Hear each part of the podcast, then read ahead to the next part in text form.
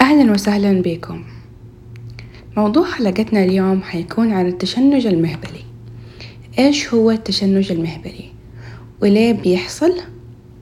كيف نقدر نشخصه؟ وهل في علاج جذري له أو لا؟ نبدأ بأول سؤال دائما بنسأل عليه وهو إيش هو التشنج المهبلي؟ التشنج المهبلي هو شد في عضلة المهبل تنتج أو ينتج عن هذا الشد صعوبة أو عدم القدرة على ممارسة العلاقة الزوجية. طيب ما هو الشيء أو الأشياء اللي تسبب في التشنج المهبلي؟ ممكن يكون عند المرأة أمراض مزمنة تسبب صعوبة أو خوف من العلاقة الزوجية. ممكن يكون عندها توتر أو قلق نفسي. ممكن هي بتستخدم أدوية معينة وهذه الأدوية مسوية أعراض جانبية تسبب في هذا الخوف أو القلق أو تسع أو تسبب في صعوبة في العلاقة الزوجية أو تغيرات هرمونية طب كيف نقدر نشخص التشنج المهبلي؟ أول خطوة للتشخيص الصحيح هو أخذ تاريخ طبي كامل أو تاريخ مرضي كامل إيش يعني؟ يعني لازم أسألك من متى بدأت المشكلة؟ أعطيني تفاصيل المشكلة. أعطيني تفاصيل أول علاقة زوجية لك. إيش بيصير وقت العلاقة الزوجية؟ إيش بتحسي وقت العلاقة؟ هذه الأشياء كلها لازم نعرفها. وطبعا لازم نسأل عن أي أمراض مزمنة أي عمليات سويتيها قبل كده في جسمك أو في المنطقة. بتستخدمي أي غسولات أو أي أدوية موضعية أو أدوية حبوب. هذه الأشياء كلها جدا مهمة عشان نعرف منبع المشكلة نفسها ويتم التشخيص الصحيح. الحاجة الثانية اللي لازم نسويها هو الفحص المهبلي. إيش فكرة الفحص المهبلي وليش أنا أحتاج أسويه؟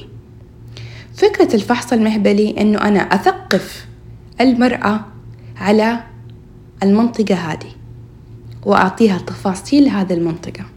وأحاول أعرف فين الألم اللي هي بتحس بيه. والشيء الأخير اللي أحتاج أعرفه إذا هي عندها فالفودينيا أو لا. إيش هو الفالفودينيا؟ ال vulvodynia هو تشخيص كيف أقول لكم؟ يعني إذا أنا سويت كل حاجة وما لقيت سبب لهذه الآلام الأغلب أن المريضة عندها أو المرأة عندها vulvodynia vulvodynia هو ألم مزمن في فتحة المهبل. فلازم عن طريق الفحص أنا أشخص هي عندها vulvodynia أو لا عشان vulvodynia علاجه مختلف تماما عن علاج التشنج المهبلي. طيب إيش الطرق اللي ممكن نستخدمها لعلاج التشنج المهبلي؟ وهل هي طريقة واحدة أو طرق متعددة؟ طبعا التشنج المهبلي علاجه يتكون من خمسة علاجات. كلها بنسويها مع بعض وتكون متزامنة مع بعض. أول طريقة للعلاج هو العلاج النفسي. ليش بنسوي علاج نفسي؟ العلاج النفسي جدا مهم في حالة التشنج المهبلي. في العلاج النفسي إيش بنسوي؟ أول شيء بنسوي تثقيف جنسي للمرأة وتثقيف جنسي للرجل. الشيء الثاني بنسوي علاج سلوكي معرفي. يعني نعطيك أدوية معاها أو بدون أدوية. العلاج السلوكي المعرفي هو طريقة إنه إحنا نتكلم مع المريضة نفسها. طبعا يكون عن طريق آه طبيب نفسي بيتكلم مع المريضة أو المرأة وبيشوف إيش منبع المشكلة ويعطيها ممكن حلول أو طرق للتخفيف أو التقليل من هذه المشكلة. الشيء الثالث اللي نسويه في العلاج النفسي هو علاج للزوجين.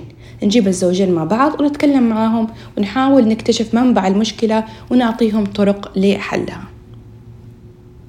الطريقة الثانية للعلاج هي تمارين لعضلات الحوض. نمرن عضلات الحوض عشان يقل التوتر ويقل الخوف والمريضة تصير عندها تحكم أكثر بالمنطقة.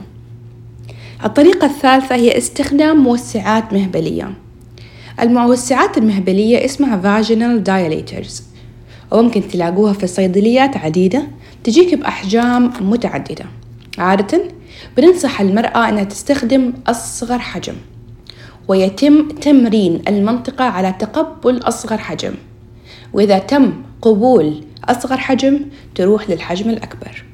وإلين ما توصل إلى أكبر حجم وإن شاء الله بعدها تكون مستعدة نفسيا وجسديا للعلاقة الزوجية.